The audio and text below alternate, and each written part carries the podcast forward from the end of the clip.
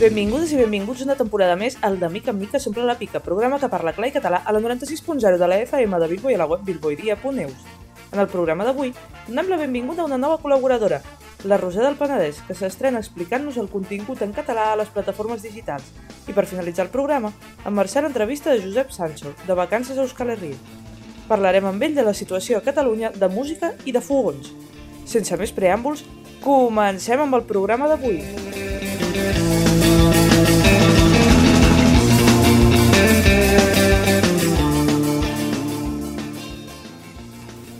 De mica en mica s'omple la pica, un programa per parlar clar i català a Bilboiria i Ràtia.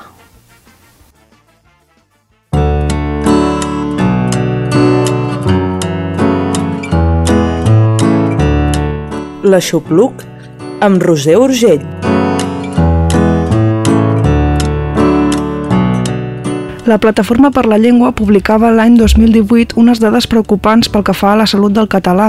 Afirmava que en 15 anys s'han perdut 300.000 persones que utilitzaven habitualment aquesta llengua a Catalunya. Un dels sectors en els que es fa menys ús del català és en el consum de continguts a través d'internet, especialment a plataformes com YouTube o Instagram. Tot i que en els últims anys això ha patit un canvi força gran, fins fa poc la implantació de la llengua catalana en aquesta indústria era més aviat tímida o fins i tot residual, ja que molts youtubers o instagramers catalans optaven per oferir els seus continguts en castellà.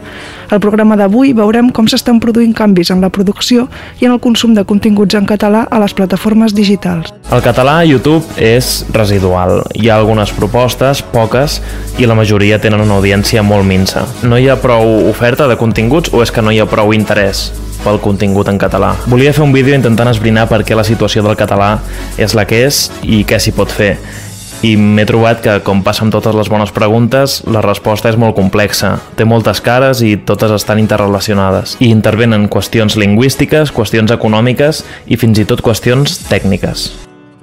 Així comença el vídeo d'Enric Botella, periodista català que actualment treballa a Londres, a la BBC, i que té un canal de YouTube on penja alguns vídeos parlant de temes diversos. Aquest vídeo en concret es titulava Per què no hi ha contingut en català a YouTube i avui dia acumula més de 12.000 visualitzacions. Els joves cada cop més troben els seus referents a internet, a YouTube. Val a dir que probablement si miressin la tele a dia d'avui tampoc hi trobarien referents en català, però això ja és una altra qüestió. El que per la meva generació va ser Bola de Drac o Plats Bruts, per ells potser ara són Ocho, Jordi Wild o Auronplay, tots ells, per cert, catalans. I aquests referents, aquesta gent que els parla de tu a tu, de les coses que els interessen en un llenguatge proper, ho fa sempre en castellà. Per tant, el català passa a ser la llengua dels professors o d'alguns pares i entre adolescents se n'acaba perdent l'ús informal de tu a tu entre iguals. Aquesta situació s'ha anat comentant en els últims temps i ha portat a molts a pensar en el perquè de la qüestió, per què els joves no consumeixen continguts digitals en català o per què prefereixen fer-ho en castellà. Al món hi ha moltíssima menys gent que entén el català de la que entén el castellà. Això vol dir que el públic potencial és molt més petit en el cas del català i YouTube, la mateixa plataforma, prefereix prioritzar els continguts que tenen potencial d'arribar a moltíssima més gent. Plataformes digitals com YouTube, per qüestions de rendibilitat, decideixen potenciar el contingut que arribi a les masses més grans i com més grans siguin, més extenses, millor. Aquí trobem una paradoxa, ja que tant a Catalunya com a Andorra són dos, des, dos dels països més importants per a la plataforma dins el món castellanoparlant. En aquests territoris hi ha els principals creadors de contingut de la plataforma en castellà, per exemple Auronplay o Ibai Llanos, tots dos residents a Barcelona, entre d'altres que també estan establerts a Andorra per qüestions econòmiques. YouTube no és especialment amigable amb el contingut fet en llengües no massives a escala global i a més a més hi tenim que els catalans moltes vegades triem el castellà per fer contingut. Això podria resumir a grans trets perquè gairebé no hi ha youtubers en català que funcionin. Però és un problema això? Doncs depèn. Si creiem que val la pena mantenir el català viu com a llengua plena d'ús diari, sí, un dels creadors de contingut en català que en l'últim any s'ha fet més viral ha estat l'Albert Pagà, més conegut com a Berti a les seves xarxes socials. Aquest jove de Deltebre va començar fent vídeos de doblatges, de continguts humorístics i sobre temes lingüístics, i ara s'ha convertit en un dels màxims exponents del sector. Hola, bones, com esteu? Si vosaltres esteu bé, jo estic super feliç. Ja que està molt de moda això de parlar i de comparar les paraules en el dialecte de la nostra llengua, del català, i això ho dic perquè he vist uns vídeos que m'han agradat molt al TikTok on comparen paraules de Girona en les d'aquí, de les Terres de l'Ebre, doncs penso que és el moment més oportú per a parlar d'això, de l'idioma. I què parlarem exactament? Doncs pues mira, molt fàcil, hi ha una sèrie de paraules que la majoria venen de l'anglès i estan substituint les nostres, les del català. Per tant, anem a fer un anàlisi, però, però no un anàlisi de lèxic, eh? No un anàlisi lingüístic, un anàlisi pues, dels nostres, no? Que tenien, que tenien més criteri, vale? Així que comencem! Parlant amb l'Albert, ell creu que un dels factors que va en contra de l'ús del català és que hi ha una manca de referents en el sector i que la majoria de la població catalanoparlant coneix perfectament la llengua castellana i, per tant, no els importa molt, entre cometes, en quin dels dos idiomes estigui el contingut perquè els entenen tots dos per igual. En català potser no hi ha tants referents, per tant, hi haurà menys gent que s'animarà a fer contingut en català, i el no animar-se a fer contingut en català no se seguirà reproduint i encara hi haurà menys, menys referents. Després, el fet de, de ser una societat bilingüe fa que molta gent vegi més possibilitats econòmiques uh, dins d'un mercat que es fa en castellà i no en català. Per tant, el potencial de catalanoparlants que tenim, més de la meitat se mon, va, perquè vol fer un castellà per, per arribar a més gent o per a guanyar més diners. És una, és una qüestió econòmica, podríem dir. Per mirar de capgirar aquesta situació, l'any 2020 es va crear el canal Malaya amb l'objectiu de promoure la creació de contingut en català a les plataformes digitals, concretament centrar-se en YouTube i Instagram. La idea era fer una xarxa de youtubers on al final de cada vídeo se, promocion se promocionessin entre ells per a intentar petar l'algoritme de YouTube i que i créixer les visualitzacions i així que eh, YouTube recomanés contingut en català també. Simplement va ser esta i després, clar, animar la gent a penjar contingut en català. Els seus impulsors van ser la Juliana Canet, el Bru Esteve, l'Arnau Rius i la Clàudia Rius i van decidir centrar aquest canal en oferir continguts dirigits especialment als joves. Actualment, amb un any i uns mesos de vida, tenen gairebé 14.000 seguidors a Instagram i aquest és el vídeo on presentaven la proposta. Portem mesos queixant-nos perquè a Catalunya no hi ha una estructura que permeti crear i difondre continguts digitals a internet de manera que tinguin visibilitat i que arriben al màxim de gent possible. Per tant, al final el que hem fet és posar fil a l'agulla i crear Malaya. Calen molts més perfils amb contingut divers perquè ens hi puguem sentir identificats. I a Malaya mirarem d'incentivar la creació de vídeos per tal de fer-los més accessibles a tothom. El que pretenem fer és estar ben pendents de les noves tendències que vagin sortint a, a les plataformes que accepten audiovisual i de seguida que detectem eh, que algun projecte pot funcionar a nivell de to, a nivell de temàtica, eh, doncs senzillament pensar-lo, fer-lo i llançar-lo per uh, generar contingut per les plataformes actuals i per les plataformes que hagin de venir. Per una banda, sí que és cert que seguirà havent-hi vídeos de la Juliana Canet, però per l'altra, per compensar-ho, hi haurà molts altres canals que no oferiran i si tenim sort potser ens traiem de sobre tot això dels articles sobre la falta de referents a internet en català. En aquest temps, Canal Malaya ha anat creixent no només en nombre de seguidors, sinó també en membres que creen contingut en català a les plataformes digitals. La principal finalitat és oferir el ventall més ampli de continguts i temes possibles per poder arribar a més gent i al cap i a la fi perquè el públic tingui més varietat on escollir. En definitiva, han creat una comunitat que té consciència lingüística i que s'organitza s'utilitza per ajudar o col·laborar en la difusió i l'ús social de la llengua. Amb tot això, el gener d'aquest any va sortir un informe anomenat Català, youtubers, instagramers, un punt de partida per promoure l'ús de la llengua, elaborat pel Centre de Recerca en Sociolingüística i Comunicació de la Universitat de Barcelona amb el suport de la Direcció General de Política Lingüística a Catalunya. L'informe tenia com a objectiu oferir una panoràmica sobre els creadors de contingut com a nous referents juvenils en català i veure com estava la situació actual de la llengua en l'àmbit dels productes per al consum juvenil a YouTube i Instagram. Els resultats d'aquest estudi van ser que, per exemple, els youtubers instagramers catalans de més èxit tendeixen a generar continguts en castellà, que l'oferta en català està minoritzada i connotada, que tanmateix alguns youtubers instagramers que trien el català obtenen un èxit destacable en termes relatius, com podria ser el cas de l'Albert, i que els mercats en català i en castellà corresponen a dinàmiques diferents i per últim que les dinàmiques de mercat actuals tenen com a resultat un panorama complex que inclou tant aspectes favorables com desfavorables a la llengua catalana. En aquest estudi també s'esmentaven altres contextos que es podrien fàcilment equiparar al cas català, ja que en ell s'afirmava que la tendència a no utilitzar la llengua pròpia i optar per llengües amb més parlants no és exclusiva dels joves youtubers i instagramers catalans, i es posaven com a exemples un cas de Finlàndia i un altre de de Galícia. L'Albert explica per què no és estrany fer vídeos en català, perquè precisament ell els fa i per què decideix seguir-ho fent així. No s'hauria ni de qüestionar, no? Soc català i per tant doncs, faig contingut en català, no, no és res fora de lo normal, normal ni res. El que passa que pot ser que la, la gent tenim l'autoestima tan baixa i el castellà s'ha introduït tant al, al nostre dia a dia que fer contingut en català, que és una llengua que parla menys parlants, resulta raro. Però jo, per exemple, vinc d'un territori, vinc de les Terres de l'Ebre, on se parla, vaig veure una estadística que es parlava un 70%, però que en realitat acaba sent un, més, més d'un 90%. Més que res perquè la gent que ve de fora, eh, que són castellanoparlants, s'acaben integrant i a la llarga acaben aprenent català. Hi ha gent que m'ha dit, per què no et passes el castellà? Hòstia, igual m'interessaria més passar-me el castellà per, per guanyar més, bueno, per guanyar diners, no? però la veritat és que també és més complicat perquè el mercat, eh, encara que n'hi hagi més, diguéssim, està tot ocupat, hi ha molta més competència, a Catalunya no n'hi ha tanta. Per tant, el rol que tinc aquí a Catalunya, eh, veig més possibilitats a l'hora de crear vídeos i, i que la gent mantengui per tant, no tot és negatiu. Moltes persones, com l'Albert, veuen molts punts a favor a l'hora de crear contingut en català, ja que en certa manera pot tenir molts avantatges. El públic se concentra molt a un territori.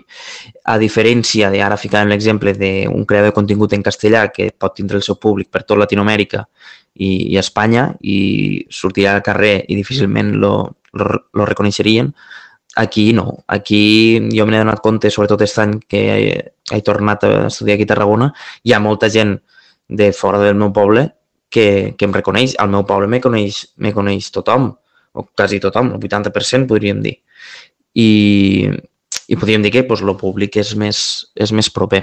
Després, una altra part és la satisfacció i la comoditat que te genera poder crear contingut en la llengua que tu sempre has parlat i, i la il·lusió aquesta de, de crear algo nou, no?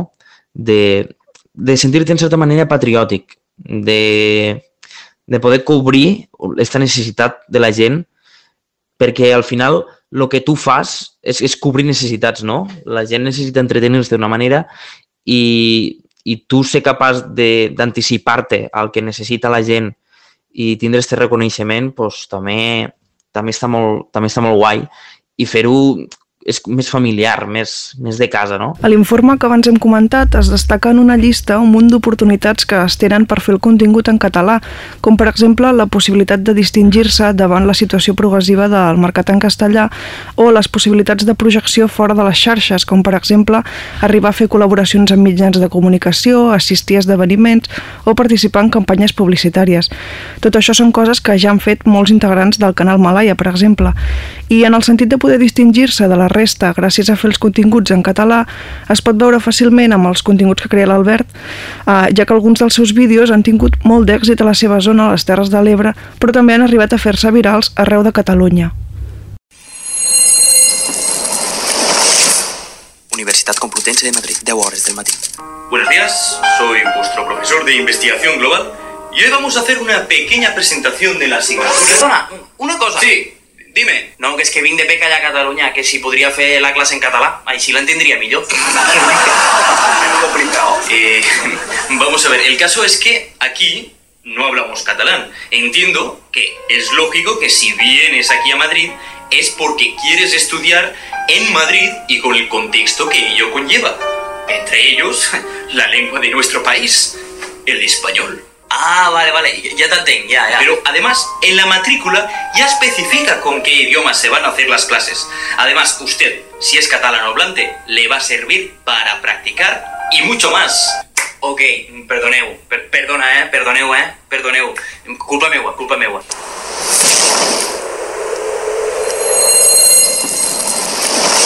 Qualsevol universitat de Catalunya, 10 hores del matí. Bon dia, què tal? Què tal, què tal, què tal? Soc el vostre profe de Fonaments Socials. Abans de començar, una pregunteta. Hi ha algú d'aquí que sigui d'Erasmus, que no sigui d'aquí... Horas. Sí, yo. Ah, muy bien. ¿De dónde vienes? De Castellón. Uf, quina sort. Valencia. Ah, entonces entiendes catalán, ¿no? Bueno, sí, pero es que entiendo mejor el español que el valenciano, ¿eh? No, no, no, no, no. Ah, entonces, como de 60 personas, solo una no entiende catalán, por respeto, haré las clases en castellano. Así me entendéis todos. És que ho sabia, ho sabia. És que ningú pensa fer res. Tu, Joan, digues algo. Eh, bueno, és que a mi me dona igual en quin idioma fer-ho. Me resulta indiferent. Imbècil. Eh, tu, Aleix, estic indignadíssim. Jo també. Hauríem de fer alguna. Claro, tio. És que, a més, a la matrícula ficava que seria en català. Mmm, ja ho tinc. Menys mal que hi ha algú que els estivem posant. Vaig a fer un tuit per a que vegin l'indignat que estic. Sí, sí. Ah, al Twitter. Ja, claro. No, si, si poc mos passa encara. Aquest vídeo, que ja acumula més de 50.000 visualitzacions a l'Instagram, pretenia fer una crítica en clau d'humor sobre el canvi de la llengua que fan alguns professors a les classes d'universitat i que va ser un tema que al començament del curs va estar molt comentat, sobretot a Twitter, on moltes persones explicaven aquest tipus de situació a les seves universitats. L'Albert comenta els motius pels quals va decidir fer-lo. El vídeo este de l'ús del català a les universitats se'm va acudir fa més d'un any no tal qual, però sí que tenia la idea i de fet vaig gravar un vídeo per a TikTok i no va tindre gens de repercussió. Va vindre per, perquè l'any passat hi havia una assignatura on hi havia una noia que, que entenia el català però va dir que se sentia més còmoda en castellà i la professora inclús hasta li demanava perdó i va dir que per respecte faria les classes en castellà. Però, tot i així, eh, s'acabava passant al català perquè per, per naturalesa i, i tornava a demanar perdó. I llavors jo ho trobava una, una situació una mica patètica. Llavors, aquell vídeo no, no va funcionar, no, no sé per què. Lo, de fet, no sé si el vaig, a l'Insta ni el vaig penjar tampoc, el vaig penjar al TikTok i no va funcionar. Però després, aquest any, a principis d'any, tornàvem al mateix debat perquè els profes se canvien al castellà quan la matrícula estava en català. I pel Twitter la gent estava indignadíssima i llavors doncs, vaig decidir fer este vídeo i, i m'esperava que tingués certa repercussió, però, claro, no tanta, no tanta al nivell que ha hagut tanta gent que s'ha apropiat d'aquest missatge i l'ha utilitzat inclús com a símbol, no? Però després sí que han vingut crítiques que no me les esperava per una tonteria que no té res a veure amb el missatge i és que allí creava un alumne que venia de Sicue, d'un altre puesto d'Espanya, i justament era de Castelló. I molts castellonencs i castellonenques s'han indignat per això, perquè creuen que així segueixo reproduint una mica l'estigma que els valencians no parlen valencià, que ja parlen tots castellà, no sé què. I, de fet, jo vaig, vaig ficar l'exemple d'una persona de Castelló perquè precisament l'any passat me, vaig, me va passar en una noia de Castelló que entenia el valencià i no li rotava la gana que es fessin les classes en, en català, en aquest cas. I ho vaig veure surrealista, perquè te, te ve algú de Madrid i dius, bueno, no entens lo català, t'entenc, però és que, joder, ve algú del País Valencià és una mica por mis cojones, no?, que s'ha de fer en castellà i per això vaig ficar l'exemple de, de Castelló, perquè me pareixia més surrealista encara. En definitiva, tot i les amenaces que hi ha dins el sector, com ja hem vist que, per exemple, molts youtubers o instagramers catalanoparlants han abandonat el català un cop han aconseguit l'èxit o que les plataformes com YouTube estan orientades a rendibilitzar la generació de continguts en llengües massives, la salut del català en l'àmbit dels continguts digitals està millorant a poc a poc, sobretot gràcies a les iniciatives que s'impulsen i que van creixent i arriben a cada cop més gent. Espero que el programa d'avui us hagi servit per descobrir creadors de contingut en català i us animi des d'aquí Bilbao o on esteu escoltant el de mica en mica a consumir vídeos en català a les plataformes digitals.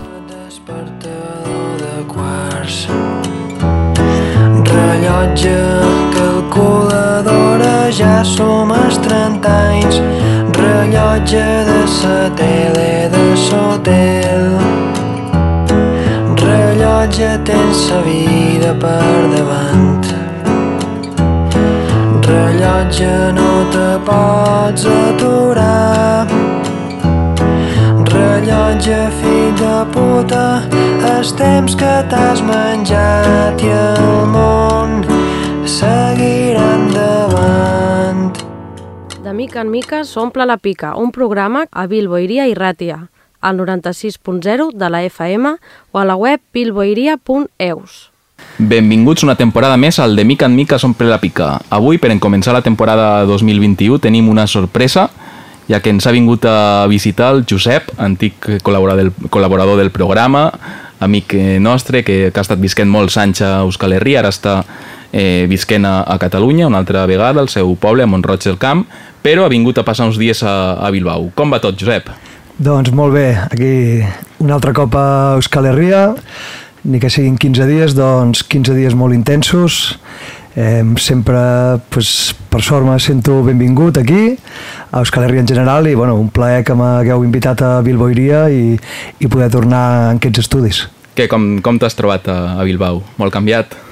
Bé, Bilbao una miqueta seguint la, la línia que ja ve seguint des de fa uns quants anys, que doncs diríem que malauradament és el que passa en moltes ciutats, la, la globalització en part negativa afecta a tothom, la, la turistificació massiva, que per desgràcia doncs, nosaltres ja la coneixem molt en ciutats com Barcelona, que bé, jo sóc el primer que m'encanta visitar llocs diferents, però doncs, sempre eh, hem d'esperar que la gent que ens visita doncs, eh, vulgui conèixer la idiosincràsia d'aquí i hem d'anar molt en compte de que òbviament tots volem fer negoci però que no sigui convertint tot en el mateix. Vull dir, Euskal Herria té el seu bon menjar, té el seu idioma propi, té les seves característiques i doncs crec que tot i que ens obrim en aquest sector terciari cada cop més important, doncs no hem de perdre eh, la nostra realitat i aprofitant que, que ja fa dos anys que tenim per Catalunya, eh, com veus la situació política, social a, a, al nostre país? Bé, crec que doncs, és molt important tot el que ha passat en els últims anys, eh, diríem que en el Principat de Catalunya, que és doncs, el que més conec, la gent va fer un, un pas molt endavant, eh, la gent es va organitzar moltíssim a partir de, de diferents associacions, com ja sabem, que l'ANC, Òmnium, eh, l'esquerra independentista tradicional, i doncs la gent ha fet un gran esforç, va cedir una miqueta el seu paper als polítics, que jo personalment crec que és una forma de ser que tenim la gent del Principat, que ens agrada delegar, no puc dir si estic més a favor o més en contra, però a mi simplement em sembla que els catalans i les catalanes som així una mica i des del meu humil punt de vista crec que els partits, tot i que han, han pres decisions importants, han patit represàlies, eh, polítics a la presó, polítiques exiliades, però des del meu punt de vista crec que estan primant els, els interessos partidistes i això doncs crec que ha anat eh, ha fet malament el procés i ara, tot, tot i viure a Catalunya, no has deixat de tindre aquesta relació en Euskal Herria, no? I, i un dels, mm, dels teus factors, una de les teues, dels teus lligams en Euskal Herria ha sigut la Xalaparta, que has estat professor mo, molts anys, no? Ens explica-nos una mica com, com va anar. Exactament, ja un cop ja vaig tenir la sort de poder parlar de la Xalaparta en una entrevista que em va fer el Francesc en aquest mateix eh, programa i una miqueta jo vaig entrar en la Xalaparta a partir de, del Gastetxe de, de Sas Picaleac, d'aquí de Bilbo, de Sas Picato. Eh, doncs bé, vaig sentir la Xalaparta, vaig eh, preguntar quins dies hi havia classe i doncs, el fet de que jo sóc percussionista em va permetre entrar més ràpid en aquest instrument i doncs, eh, vaig anar aprenent durant uns dos anys, més o menys, amb, amb la Ione, amb l'Urchi, amb l'Ander, i quan ella i ells varen deixar de donar classes, a poc a poc vaig anar agafant jo el timó, em vaig convertir en el professor durant uns 8 anys, sempre siguent el professor, eh, el professor aprèn dels alumnes i els alumnes aprenen del professor, i doncs vàrem fer fites molt importants com ara representar Vizcaya a la Xalaparta Festa de Hernani i més recentment has estat tocant a Sant Mamés, a la catedral, antes del partit de l'Atlètic i el Rayo.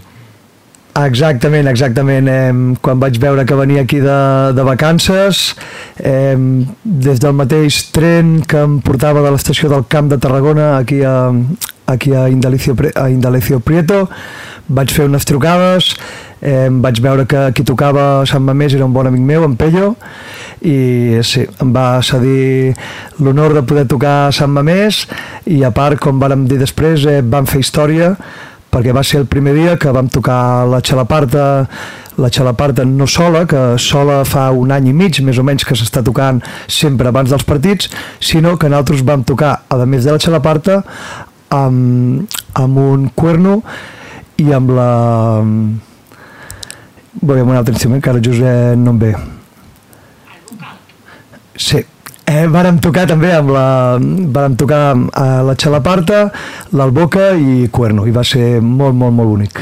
Tot i l'aforament reduït, què sentís al tocar la Xalaparta davant de tants mils de, de persones? La veritat que jo, com que porto tants anys i em vaig iniciar en la bateria i en la percussió gairebé al mateix temps que aprenia vaig tocar en directe, tinc els nervis que té tothom, òbviament, que s'han d'utilitzar per bé, però no, no noto una gran diferència en tocar, com en aquest cas, davant gairebé 20.000 persones o tocar davant de, davant de 3. L'emoció és molt gran perquè ajunta dos de les meves grans passions, que són la música i el futbol. I just va ser molt bonic que, doncs, a part de ser jo molt aficionat de l'Atlètic, també el Rayo Vallecano és un equip que me té molta simpatia i just aquesta coincidència va ser molt bonica és, jo diria que és el meu rècord de, de tocar davant de gent, aquestes gairebé 20.000 persones. L'altra vegada havíem tocat davant de 4.000 justament a, a Donosti per festes de Donosti. I seguint en la música, en la xalaparta, mm, has pogut traslladar aquest instrument a, a Catalunya, portar-lo una miqueta, explicar què és? Sí, voldria destacar que a Catalunya hi ha eh, persones com ara la Sílvia, que doncs, es va formar a Sestau, a la Xalapart Escola de Sestau, amb el sempre recordat Eneco Abad, i també voldria destacar que doncs, a, a Catalunya també tenim la Tarragonaco Xalapart Escola, que també fan una gran feina. En el meu cas, jo ara mateix sóc professor de bateria i el que sí que vaig fer és invitar el meu alumne a fer-se una xalaparta i doncs allà a Montrets del Canvi i també just viu en una en quelcom similar a un Bacerri i allí també tenim una xalaparta que doncs, la vam utilitzar per fer una miqueta festa de fi de curs, eh, doncs invitant la família, una miqueta de sagardo i tal, i a part també l'utilitzo jo perquè crec que la xalaparta per explicar depèn de quines coses de percussió, en aquest cas en bateria, la xalaparta és molt útil per explicar especialment les partions, les partions que es donen en la música. Tenim algun instrument similar a Catalunya en la música tradicional o són dos, dos músiques molt diferents? Eh, jo diria que als països catalans no tenim cap, eh, cap instrument que me'l recordi. Potser són més de vent, els instruments tradicionals.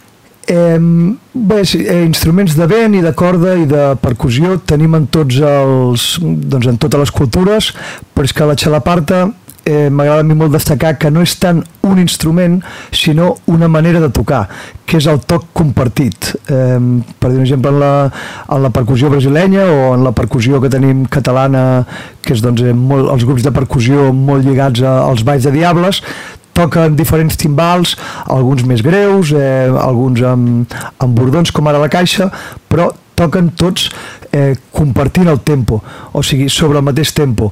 La gran diferència de la xalaparta amb la majoria d'instruments és que el tempo és eh, compartit eh, instruments semblants a la xalaparta o formes de tocar n'hi han sempre molt lligades sobretot al treball agrícola. Eh, ne podem trobar en algunes zones d'Àfrica podem trobar també a Suïssa. Eh, més que res en sistemes per, per picar el blat a les eres. Llavors si féssim un seguiment antropològic del món rural als països catalans potser podríem trobar quelcom similar a les eres. I així jo també tinc doncs, un petit projecte una, que de moment és sols una idea de fer un grup de percussió rural i és possible doncs, que en el, en el fet de golpejar els arbres quan anem a la metlla, per dir un exemple es pogués produir quelcom similar a la xalaparta perquè la xalaparta, tot i ser un, un instrument tradicional de, de molts anys, eh, estem veient que sí que s'inclou en la música actual i, i en moltes varietats d'estils, de, cada vegada més, tant a, a Euskal Herria com, com a fora, molts grups actuals que l'estan utilitzant. Sí, sí, la xalaparta per eh, varis motius, per un motiu és perquè normalment els instruments se'n prenia acte quan anaven a la cort, la xalaparta eh, per les seves característiques de, de pes especialment es va quedar molt recluïda en els bacerris i mai no, ni els juglars ni els trobadors no les portaven a la cort. Llavors no hi ha constància notarial de que existissin en aquella època Després de la Xalaparta cal recordar que Juan Mari Beltrán va fer les seves investigacions als 70, podríem dir que quedaven menys de 10 intèrprets. És un instrument que pràcticament eh, hagués pogut desaparèixer realment. Llavors, doncs, eh, tota aquesta recuperació que ha fet justament Juan Mari Beltrán, eh, Juan Mari Arce, eh, persones com Moteixa, el grup És Ducamairo, doncs van ajudar que la Xalaparta cada cop sigui més eh, coneguda eh, no fa gaires anys als Països Catalans el grup Zo de, del País Valencià té una cançó en la qual usa Xalaparta però ja parlem de fa molts anys als 90 en un CD del grup eh, de Berga Brahms que es diu El Liceu, ja se sent una cançó amb una introducció de Xalaparta, com és la cançó Inici de càstig al fetge. I ara hem, hem parlat de la música, una de les teves grans passions, però una altra passió, la, la cunya, no? Has, has estat cambrer, has, estat, eh, has tingut un restaurant, Parla'ns una mica també d'esta altra variant del Josep. Sí, bé, clar, jo la, sí, la meva vocació és l'ensenyament i bueno, les meves passions són moltes, sobretot les que, totes les que tenen a veure amb, el, amb les ciències socials i doncs per mi la cuina és també una part d'aquestes ciències socials. Eh, de, una de les coses que més enlloro de, de Bilbo és esmorzar un pinxo de truita i amb un cafè en llet en qualsevol d'aquestes grans tavernes que tenim aquí i doncs sí, eh, jo voldria destacar, si jo he estat molts anys cambrer aquí, he tingut la sort de treballar en llocs bons i sobretot dignificar aquest ofici. El que he dit al principi, de que cada cop anem al sector terniari, eh, ens pot agradar més, ens pot agradar menys, com la contaminació de la ria als 80 no ens, no agradava, la, no ens agradava la majoria de gent, però això no pot obviar que en el món de, de la indústria siderúrgia treballava una gran gent, treballava una gran quantitat de gent. Llavors doncs, el que hem de fer és intentar dignificar el món de l'hostaleria i jo estic content perquè veig que aquí a Bilbo doncs, hi ha grups com Meragin, com els, el grup d'hostaleritza Diuna, la, la Unió de, de Treballadors d'Hostaleria, o sigui, hi ha diferents eh, grups que estan prenent part seriosament per dignificar la, la feina de cambrer i de cuiner que moltes vegades, doncs, sobretot aquí, que hi ha, aquesta, hi ha molts restaurants eh, que estan molt reconeguts en la guia Michelin, la guia Repsol i molts cops ens diuen no, treballa per nosaltres, que això et donarà currículum que això et donarà currículum però del currículum realment eh, no paguem les factures llavors doncs m'agrada veure que aquí s'està lluitant per l'hostaleria igual com s'està lluitant per, per doncs, les persones que realitzen que realitzen cuidados, que diríem, o per les persones que netegen i dignificar totes les professions. Que tu mateix eh, vas patir aquesta repressió no? per, per exigir eh, eh, millors condicions pel, pel sector. Exactament, sí, sí, fa uns anys pel simple fet de penjar uns cartells demanant que es compleixi la legalitat, demanant que, que es complís el conveni, vull dir, unes reivindicacions que no haurien d'existir de, perquè si hauries de reivindicar en tot cas unes millores del conveni, doncs no, nosaltres simplement eh, reivindicàvem que es complís el conveni, vam enganxar uns cartells eh, que eren fàcilment que eren fàcilment que eren fàcils de treure, vaja, i doncs eh, ens van identificar i ens varen acusar tres persones eh, d'embrutar patrimoni històric i ens volien fer pagar doncs, 2.000 i pico euros per cap, una animalada.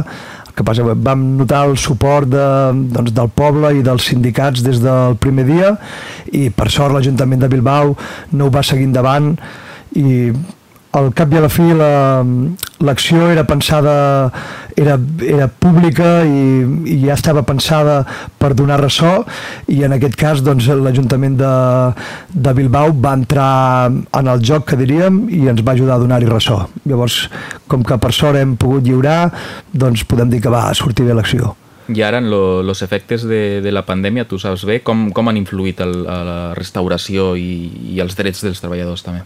Una cosa que passava molt abans de la pandèmia i també per desgràcia ara durant la pandèmia és que en l'hostaleria molta gent està contractada amb menys hores de les que realment fa potser sí que cobra els diners que hauria de fer en una part en negre i això doncs és, ja era un problema abans de la pandèmia perquè al cap i a la fi és possible que algun dia ens haguem de jubilar i a part doncs, eh, del, del, de quan guanyes en blanc una part d'aquests impostos van a, a la millora de, de totes i de tots i clar, durant la pandèmia la gent que tenia un contracte de 20 hores eh, legalment només amb l'ERTE cobrava aquestes 20 hores.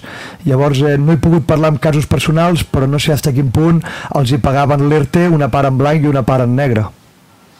I per acabar l'entrevista d'una manera més alegre, més, eh, més optimista, eh, proposa'ns una cançó que t'agradaria escoltar per, per, donar, per acabar l'entrevista. Doncs mira, ja que estem i, i és una cançó alegre, just aquesta de Brahms al Liceu, que té la introducció amb Xalaparta, que és eh, inici de Càstig al fetge. Doncs en Brams al museu acomiadarem el primer programa de la temporada de, de mica en mica s'omple la pica. Eh, recordeu que tornarem la setmana que ve. Podeu escoltar tots els programes del de mica en mica al web bilboiria.eus i seguir-nos a la nostra pàgina del Facebook de mica en mica guionet bilboiria. Passeu un bon cap de setmana.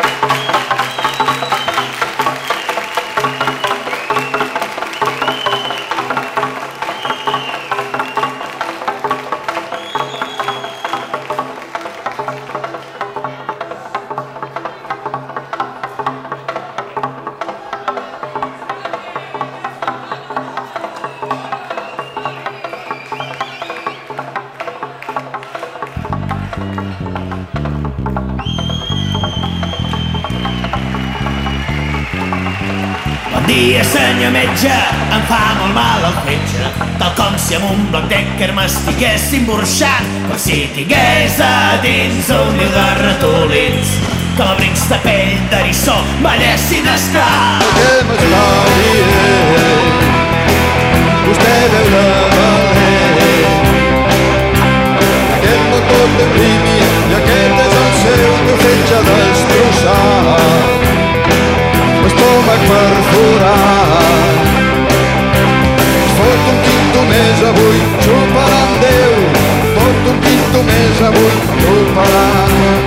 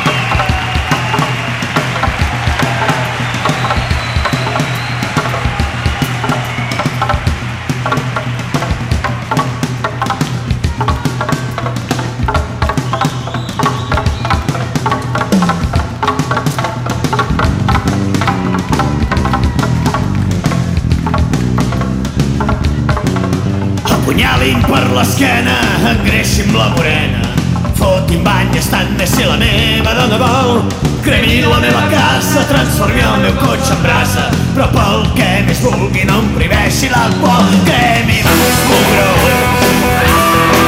Mossegui els collons.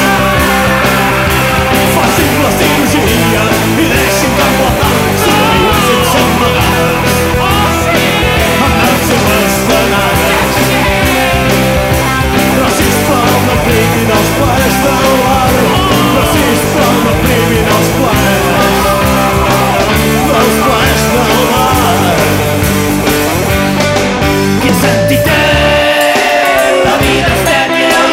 i